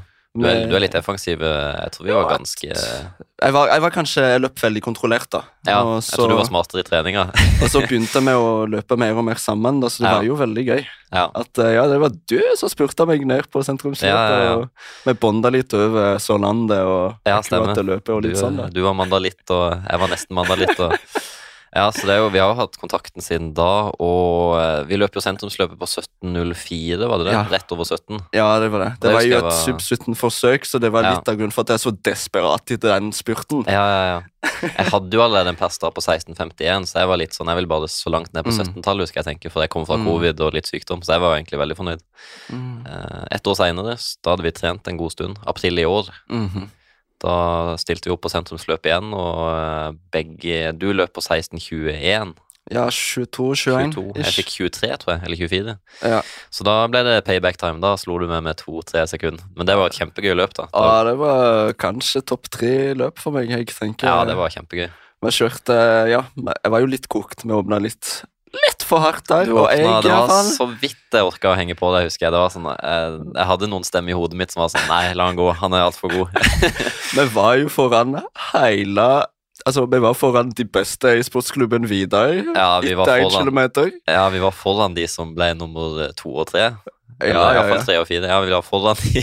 Vi var foran de, så jeg skjønte at uh, da har jeg gjort noe feil. Men jeg skulle bare, eh, skulle bare henge med det. Jeg, jeg hadde jo halvmaratonbein, og Mm, det var en ganske tøff dag med tanke på vinden og varmen. det var det. Så, Det var tøffe forhold. Men og så har eh, jeg tenkt at jeg vil heller ha en god opplevelse med en kompis enn å liksom prøve å ta igjen de foran meg. Så det var, det var gøy å kjøre lagtempo, som du sa. mm, ja, det var veldig gøy. Veldig morsomt løp. Veldig tungt, men gøy. Mm. Og vi var jo 40 sekunder raskere enn eh, Enn i fjor. enn i fjor, ja.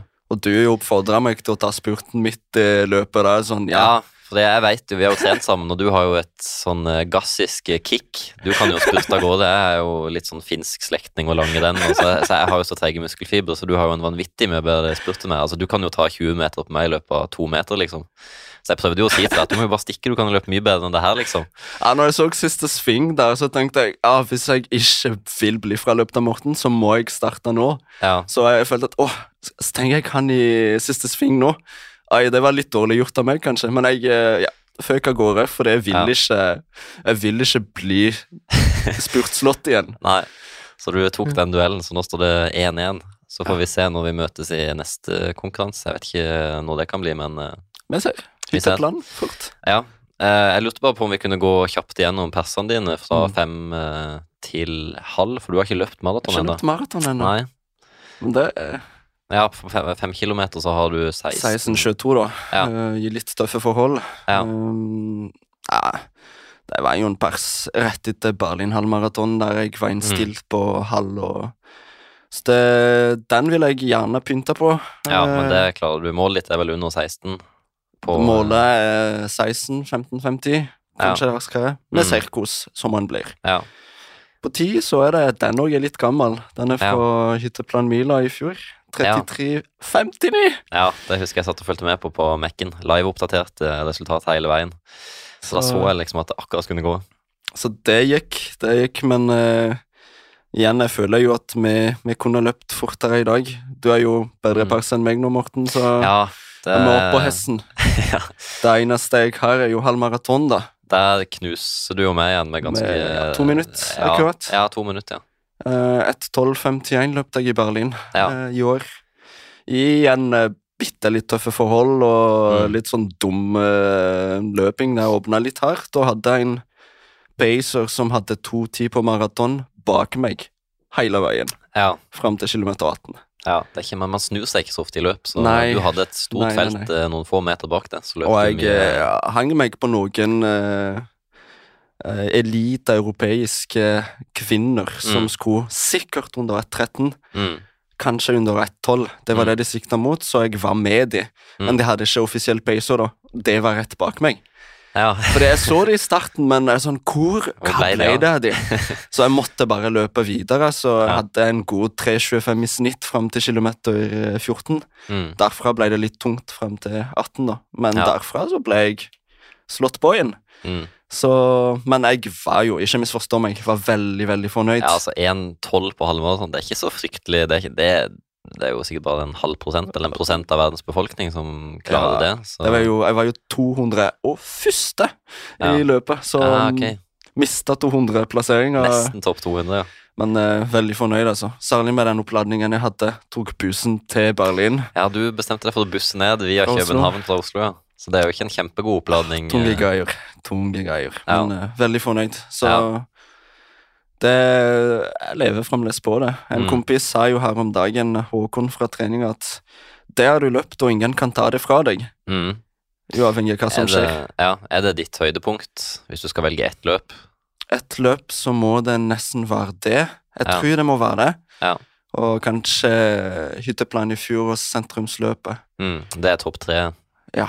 Ja. Det er sentrumsløpet i fjor, og i år det er kanskje ganske likt. Mm. Men eh, Berlin eh, halvmaraton anbefales på det sterkeste. Mm. Det ble jo løpt styggfort av tetten der. Eilish McColgan hadde blant annet eh, Var det europarekord? Ja, det Nei, var nei. vel Nei, det var nasjonalrekord. Nasjonal, Europarekord ja. med Sifa Hassan som har den. Ja, stemmer. Var det, hvem var det som hadde rekorden før Eilish? Var det Moda, eller noe sånt? Det er jo, var ikke hun veldig god? Jeg jo usikker på det. Ja, mora er jo kjempegod. Så Ja. Men ja, Berlin hall det er jo kjempeløype, og Berlin maraton det er jo liksom det, de store, raske det, det løpene man altså. snakker om. Det er Eh, drømmen. Men jeg vil også tipse om eh, Valencia, Sevilla. Jeg har Mm. ikke løpt Valencia, da, men det er, alle snakker om at Valencia er bra. I Det- desember, og så har du Sevilla i februar. Mm. Valencia må nok eh, være eh, ett av de målene. Valencia og Berlin. Jeg Mm. vil jo gå opp på maraton snart. Ja, du må jo teste det, og så kan du eventuelt gå litt ned igjen i distanse. Og, ja. ja. Jeg, eh, man ser jo med nå nylig Sifan Hassen at det er mulig å løpe 2,18 på maraton og Ja. lav 29 på 10 og 3,58 på 1500 ja, på under to måneder. Hun er jo helt maskin. syk, Ja. Men det er mulig å ha den rangen, da. At det er bra for Mm. for kroppen. Altså, Ja. Supermosjonister kan jo prøve å gjøre det. Mm. Jeg, jeg tror at det, man har mye å tjene på fart, da. Mm. Det tror jeg også. Særlig på tid, når man har kapasiteten fra maraton og halv og Mm. farten fra 1505, så kan man være farlig god på tid. Mm. Mm. Ja, det er jo min filosofi at uh, for min del at når jeg har løpt et maraton, så roer jeg litt ned, og så bygger jeg opp nye passer på fem, ti og halv, Mhm. og så prøver jeg på maraton igjen. Ja. Og så ned igjen. Og så opp og ned. Og det tror jeg er fint for hodet òg, ikke bare fokusere Mm, på ja. distanse. Særlig maraton, som krever mye Det krever mye mentalt òg, i mm. treninger særlig. Disse langturene og Mm. Maraton, er, maraton er jo det de fleste ser opp til, og mm. det er brutalt. Det er den brutal, Ja. ærlige distansen. Ja, Men, det Altså, jeg syns fem kilometer, ti kilometer og halvmaraton, det er løp, mens maraton, det er jo en reise. Det, ja, absolutt. Det er det er så mye ups and downs, og du Mm. kan føle det helt forferdelig i fem minutter, så føler du det helt magisk i ti minutter, og så går det Ja, det Jeg er gleder spesielt. gruer meg til å starte, men uh... Du kommer til å like det. Det tror jeg. ja, har planer om Valencia i år. Så Ja. det, Det, jeg får håpe det går. Ja, Hvis ikke, så er det Sevilla, da. ja, Men, ja, det er jo to uh, kjempeflate, fine løyper uansett. Men å drive med maratontrening på vinteren i Norge, det Det er litt vanskelig, men jeg har klart det. Jeg løper jo Sevilla i 2022 i februar, Ja, så det kan gå. faktisk. Så Frognerkilen pleier å være snøfritt eh, Mm. stort sett hele tida, ja, mm. så det kan gå. Så vi ser. Vi ser. Ja. Uh, har du noen uh, mål for de ja, i nærmeste framtid? Vi kan ta de først. For nå har du jo 33-tallet på mila, Mm. 16-tallet på fem. Det vi har snakka om målet ditt der. Uh, halvmaraton. Der har du en god tid, men du har sikkert Mm. noen nye mål der. Og maraton. Har du noe tidsmål? Jeg må nok uh, prøve å komme meg under 16 på 5, da. Det er Mm. kanskje første målet. Ja. Uh, og under 33 på mila. Mm. Jeg ser, jeg ser hvordan sommeren blir, men uh, å sikte mot 1540 og 3240 eller 32 Mm. C32-tallet 32-tallet hadde vært gøy. Ja. Og eh, når det gjelder halvmaraton, så vil jeg jo se et ellevetallet. mm. Kanskje et titallet. Man begynner å se på det høy. Man begynner å se på det når man eh, løper et tolv og føler at man kan komme seg under 33 med god margin. Mm. Men det er jo Det skjer ikke før det løpes. Men Nei, det må gjøres, men eh, det er absolutt ikke det er de umulig. målene. Det er de målene Mm. nå eh, til høsten, og så til vinteren, og så vil jeg jo begynne på maraton. Jeg har et lite veddemål eh, mot meg sjøl om å begynne på maraton før jeg bikker 25 i februar. Mm. Og Sevilla går akkurat ei uke før jeg bikker 25. Oh, kult. Så det er enten Valencia eller Sevilla, Ja. og der er målet Det er jo litt sjukt å melde, men eh, Sub 232, Ja, helst det kan, under eh, 230 det kan gå, det. Det kan gå, men eh, det er av perfekt planning, og ikke Mm. minst å ha dagen. Ja. Så jeg og en kompis av oss eh, sikter jo mot Valencia. Ja, jeg er jo Så- litt sånn på Valencia eller Sevilla. Jeg har en kjæreste som har lyst til å løpe Sevilla halv i januar, så da er, det litt sånn, da er det litt dumt av meg å løpe Valencia, så kanskje jeg skal løpe Sevilla halv og helmaraton. Men Sevilla halv Hall er jo litt sånn kleint plassert i en maratonoppkjøring. ja, Eller det er det er, en måned? Er det ja, en det er litt for tett på Sevilla maraton igjen nå, det er så det er vanskelig. Det er vanskelig. Jeg trengte lett eh, to-tre uker til å hente meg tilbake fra Berlinhall. Ja, og det er ca. tre, tre og en halv uke eller noe sånt. Absolutt. så Men det eh, hvis man ikke løper det all out, all out så Ja. går det jo. Kan ta Sevilla halv som en tur. Mm, mm. Løpe med Andrea. Ja, typ litt raskere enn mar enn maratonfart. Mm. Det, jo, det koster ikke så mye. Da blir det som en kvalitetsøkt, ja. Sånn lang eh, terskeløkt. Det går an. Så jeg er litt sånn Jeg, er litt, eh, jeg har ikke spikra den da, når jeg skal Mm. løpe maraton igjen. Eh, drømme, har drømmer, da. Madagaskar, hva er rekorden på maraton? Den Nasjonale rekorden, er det 2.17? på 2.17.16. 2.17,16, ja. Lav 2.17 er det iallfall. Ja, Uh, det er lettere for deg å sette nasjonalrekord enn for meg, i hvert fall. Det er lettere. Det er Du har 12 lettere for deg. Det er lettere for Nei, det er lettere for meg enn for deg. Ja. Så Nei, lettere for meg enn for deg, mente jeg. Ja, 2014 var det. ja. Ble satt i 1979. 1979, ja. I gamle sko. I Gamle sko, så det tilsvarer nok en eh, 211 i dag, vil jeg si. Ja, det kan fort bety Men nesten med eh, trening- Jeg vet ikke åssen løype det ble satt i, eller noen ting om det løpet, men eh, I, I Moskva, tror jeg. i Moskva, ja. Så 217 ah, Det er jo helt på grenselang for en supermosjonist. Ja, Fordi- men uh, ingenting er umulig. Det er mange supermosjonister som løper på 220-tallet. Mm. 221, Det er det. 220 Og du har jo åpenbart et talent, og uh, så jeg, Takk for jeg tror det. det, det Det har skjedd sykere ting i verden enn at du skulle løpe på 2.17,13. Ja, det er 216 høy, da. Det er Ja. kanskje mitt livsdrøm. Ja, Å få å, komme meg så nærme som mulig den rekorden. ja. Men eh, det er jo ikke bare løping jeg holder på med, og Nei, du har jo mange prosjekt og eh, Masse ting interesse på gang. og ja. masse ting på gang, og studie, jobb eh, Mm. Så det Jeg ville heller på en måte fremdeles nyte av løpinga og Mm. klare å få, få de andre ting til å gå enn Ja. Jeg tror, ikke du skal, jeg tror ikke du skal tenke eh, heng klistret på veggen 2.17-14, men heller bare kose deg med løping og gå Og trappetrinnene og steg for steg, og ikke stresse. Og, Det er jo mange her i Norge som løper Eller det er noen i Norge som løper 2,16 som småbarnsfar og fulltidsansatt ja, ja. en plass. Så Hvis man brenner nok for det og er tålmodig, og du er fortsatt ung, og du er jo en kjempe, kjempe, kjempeung maratonløper. Du, er- du har jo mange, mange år på det. Så Så jeg håper Jeg håper å få se det å få se iallfall 2,20 lav eh, Mm. om ti år. Ja, jeg ville tatt et maraton nå snart, og så bare bli kjent med det, og så bare løpe Mm. rundt 2,30 pluss minus noen minutter, og så Mm. ta litt pause igjen, og så kose deg med lavere distanse. Ja, Hvis jeg hadde vært din trener. ja, ja. ja. Men, Men, eh, eh, det er absolutt ikke Ikke umulig å, å vurdere. Nei. Det er det. Nei. Mm. Eh, skal vi ta litt eh, utstyr til slutt? Bare Har du noe favorittsko, favoritt eh, pulsklokke, hva du vil? Du er, sa vi litt inn, sånn, Det blir jo en lang episode her, men jeg tror for lytterne syns det her er interessant med Madagaskar. Du er en veldig interessant gjest, det skal du bare ha. Ja, Så, eh, men eh, det, ja, det blir en lang episode, men jeg tror den blir bra. Eh, eh, utstyrmessig så tenker jeg jo at uh, de viktigste tingene for meg er nok først sko, Mm. uh, som kan hjelpe meg med å trene skadefritt Mm. Og tåle treninga, samtidig som jeg kan trene kroppen til å typ sånn Leggene må jo trenes.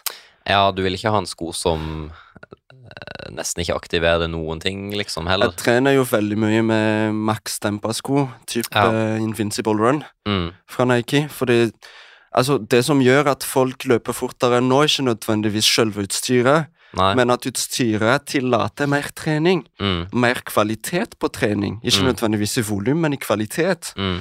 Så å ha mye demping som kan gjøre at man kan tåle mer trening, Mm. sko som kan tillate en å løpe mer på terskelfart. Mm. Så da, da har jeg liksom Min go-to-sko for uh, rolig løping er jo den Max Dempa-sko fra Nike eller Asics eller hva enn det må være, men Mm. nok demping iallfall. Det som passer foten din, og som må ha nok temping. Mm. Favor Bruker du en sånn type sko mest på eh, rolige turer, da, eller? eh? rolig og lang. Ja. Ja. Rolig og lang tur. Også på terskeløktene, så er jeg jo blitt litt bortskjemt eh, med sko. Da jeg jobbet i en skobutikk, så, ja. så da, da ble det fort mye karbon. Men Det er ikke et must, men det er jo en must, luksus man kan unne seg hvis man har man mulighet. kan unne seg det hvis det er mulighet, men man må sørge for å gjenløpe med andre ting òg, da. Mm. Så da, var det mye Ja, karbonsko, Vaporfly og Adios Pro 3. Det er en og- fantastisk ja. eh, Adidas, fantastisk fin sko til terskel og maratonfart. Mm. Nå har jo heldigvis med alle merker, egentlig, egentlig Mm. samtlige Ja, ja, ja. har jo Så det som passer foten din, er jo det beste. Mm. Og det har jeg mye på terskel. Jeg har jo prøvd å løpe med Adidas Dios, den vanlige Dios. Ja, litt mer sånn gammeldags type Gammeldags sko. type eh, sko. Ja. Uh, Syv og åtte, nettopp. Uh, Mm. Kom til, Jeg skal ikke drive med reklame, men Det er en bare sånn- tips. Ja, men dette er jo tips. det er tips, så, da. At uh, det er en tradisjonell bygd sko med superskum, så den er morsom å løpe med. Mm. Selv om man får bakkekontakt og får trent leggene litt mer, Ja. og har litt forskjellig stimuli, da. Mm. Eh, Så det anbefales ha en sånn litt lavere sko. Mm. Og da, er det, da gjenstår det bare en eh, konkurransesko. Mm. Uh, Det er egentlig kanskje bare et litt nytt, freshere par av det du bruker på Ja, terskel. Ja, Absolutt, ja. men uh, jeg, jeg er veldig glad i noe som er litt fastere uh, Mm. enn Ikke for mykt. Ikke for mykt, og da sverger jeg fort mot enten Adios Pro 3, Mm. Som var, men den er jo litt slitt nå, eller Endorfin Elite fra Saukeny. Det var den du hadde i Berlin? Den hadde eh, jeg i Berlin og på sentrumsløpet, og mm. når jeg skal løpe litt fort, så tar jeg Mm. han fordi han er ganske fast og responsiv. Ja. Veldig, veldig responsiv, Mm. og, men litt fastere, så Ja. det er ikke alle som liker det, men jeg liker det. Ja, jeg liker den kjempegodt. Jeg testa den på mølla Saukeny Elite mot Mm. Fly 2. Ja. Og da syns jeg Saukeny var vanvittig mye morsommere og bedre å løpe i, men mm. Mm. Saucony er litt brei i passformen. Og så kunne jeg òg litt det- Nei, Alfa fløy litt med en cruiser på maratonfart, Mm, men ja. Saucony kan du ta på 5 og 10. Mm. Det er da den briljerer mest, vil Ja. jeg si. Alphafly kan bli, føles litt klumpete ja, på Mm. en kilometer, for eksempel. Mm. Så det er mine favorittsko, og Mm. kanskje Vaporfly 3. Løpt bare Ja. gang igjen. Men den har blitt Altså, hvis man pronerer litt, altså man er litt ustabil i foten, sånn som Mm. jeg gjør, Mm. Så har Vaporfly 3 og Saucony Endorphin Elite da, det kan være alternativer fordi det er litt bredere i plattformen. Ja. Litt mer å lande på. eh. Mm, så det er, det er noen uh, konkurransesko der som er litt mer stabile, da. Mm.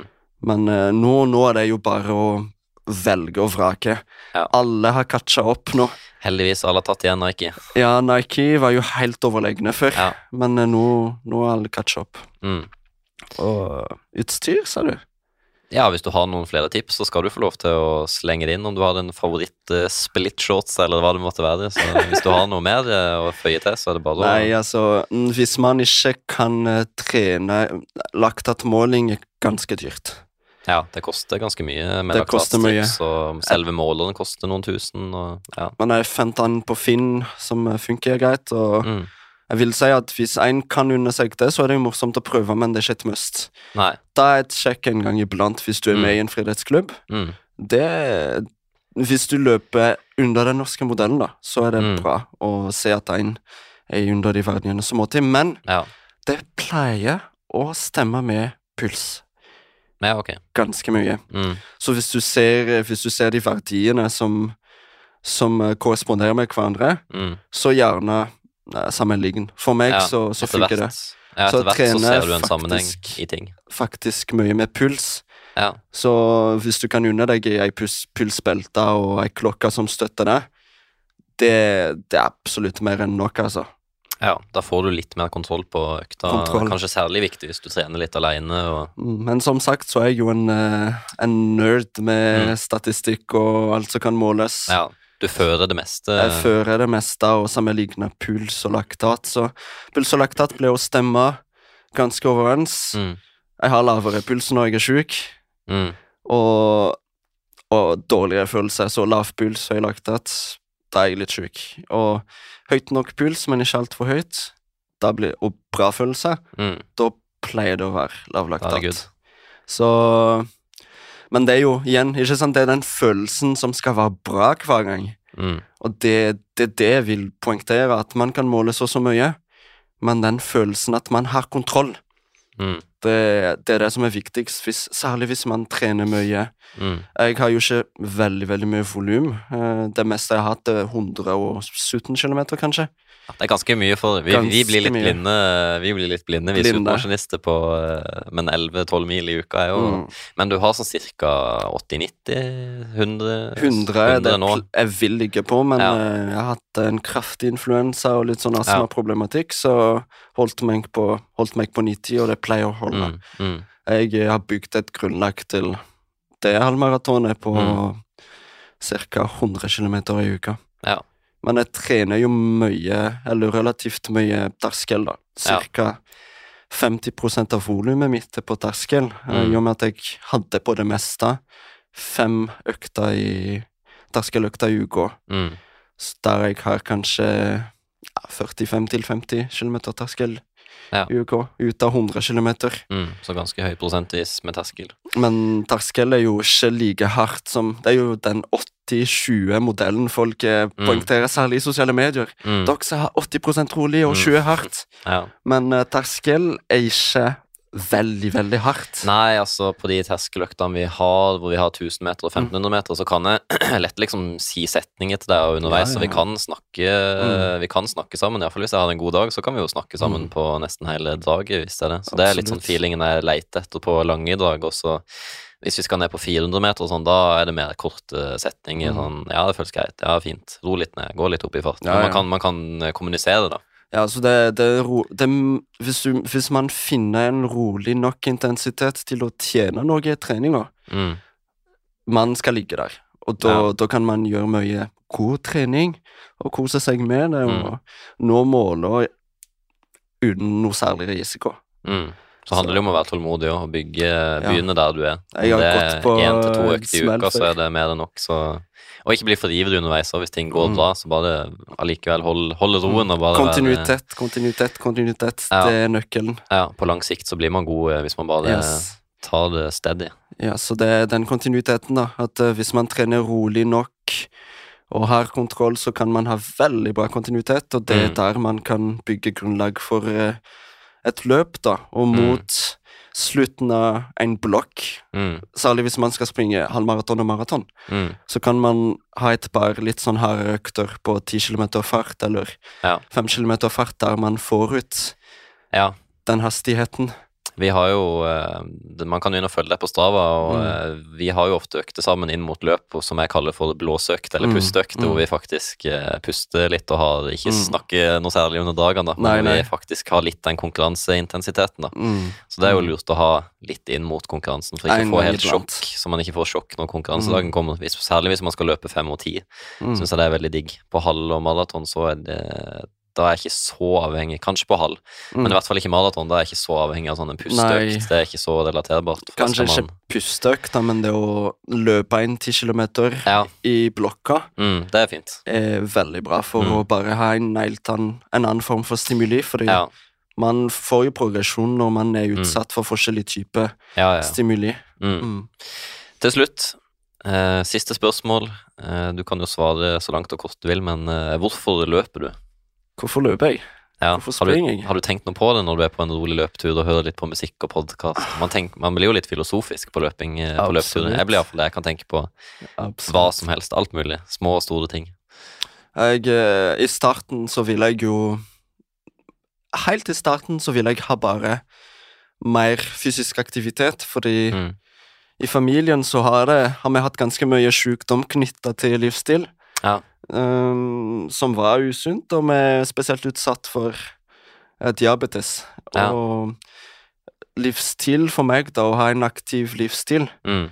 kan være med å forebygge Mm. uh, det jeg er genetisk eh, sårbar da, for. Mm. da.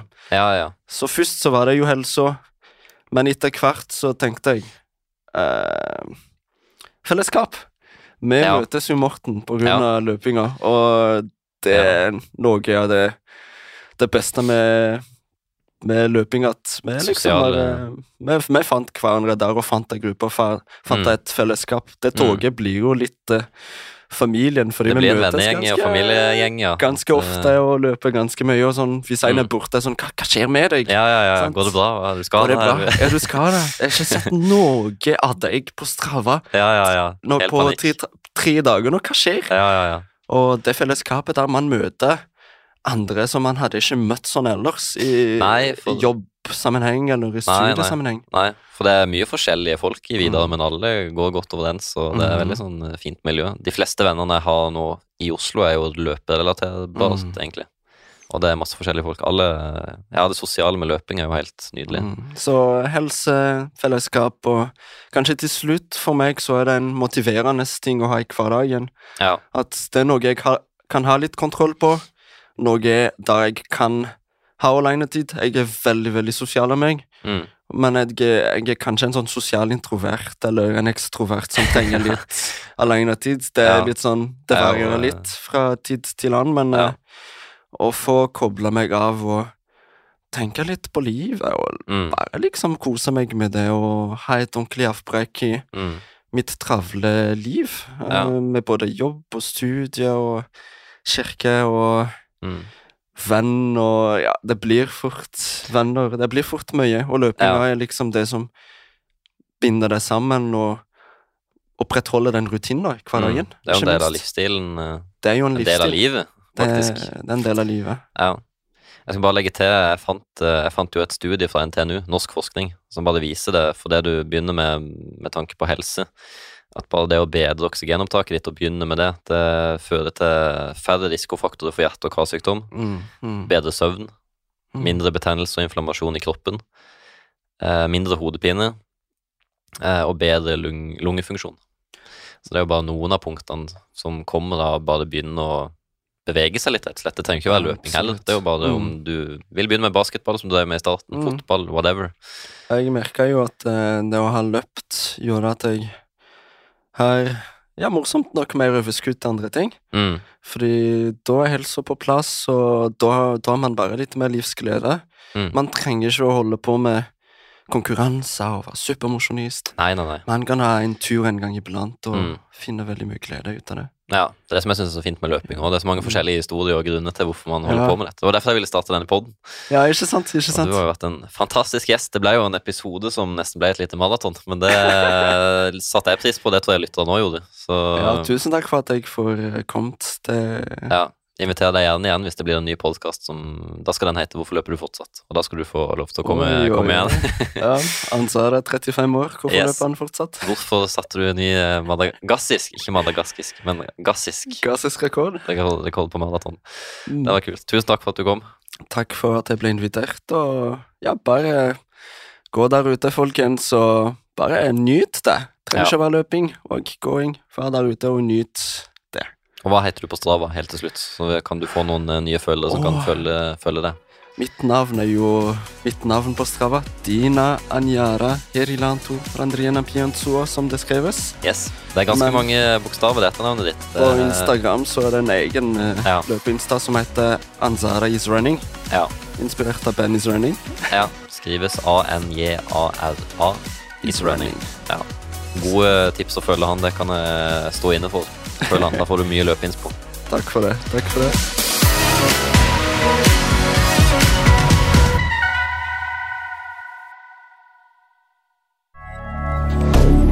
Moderne media.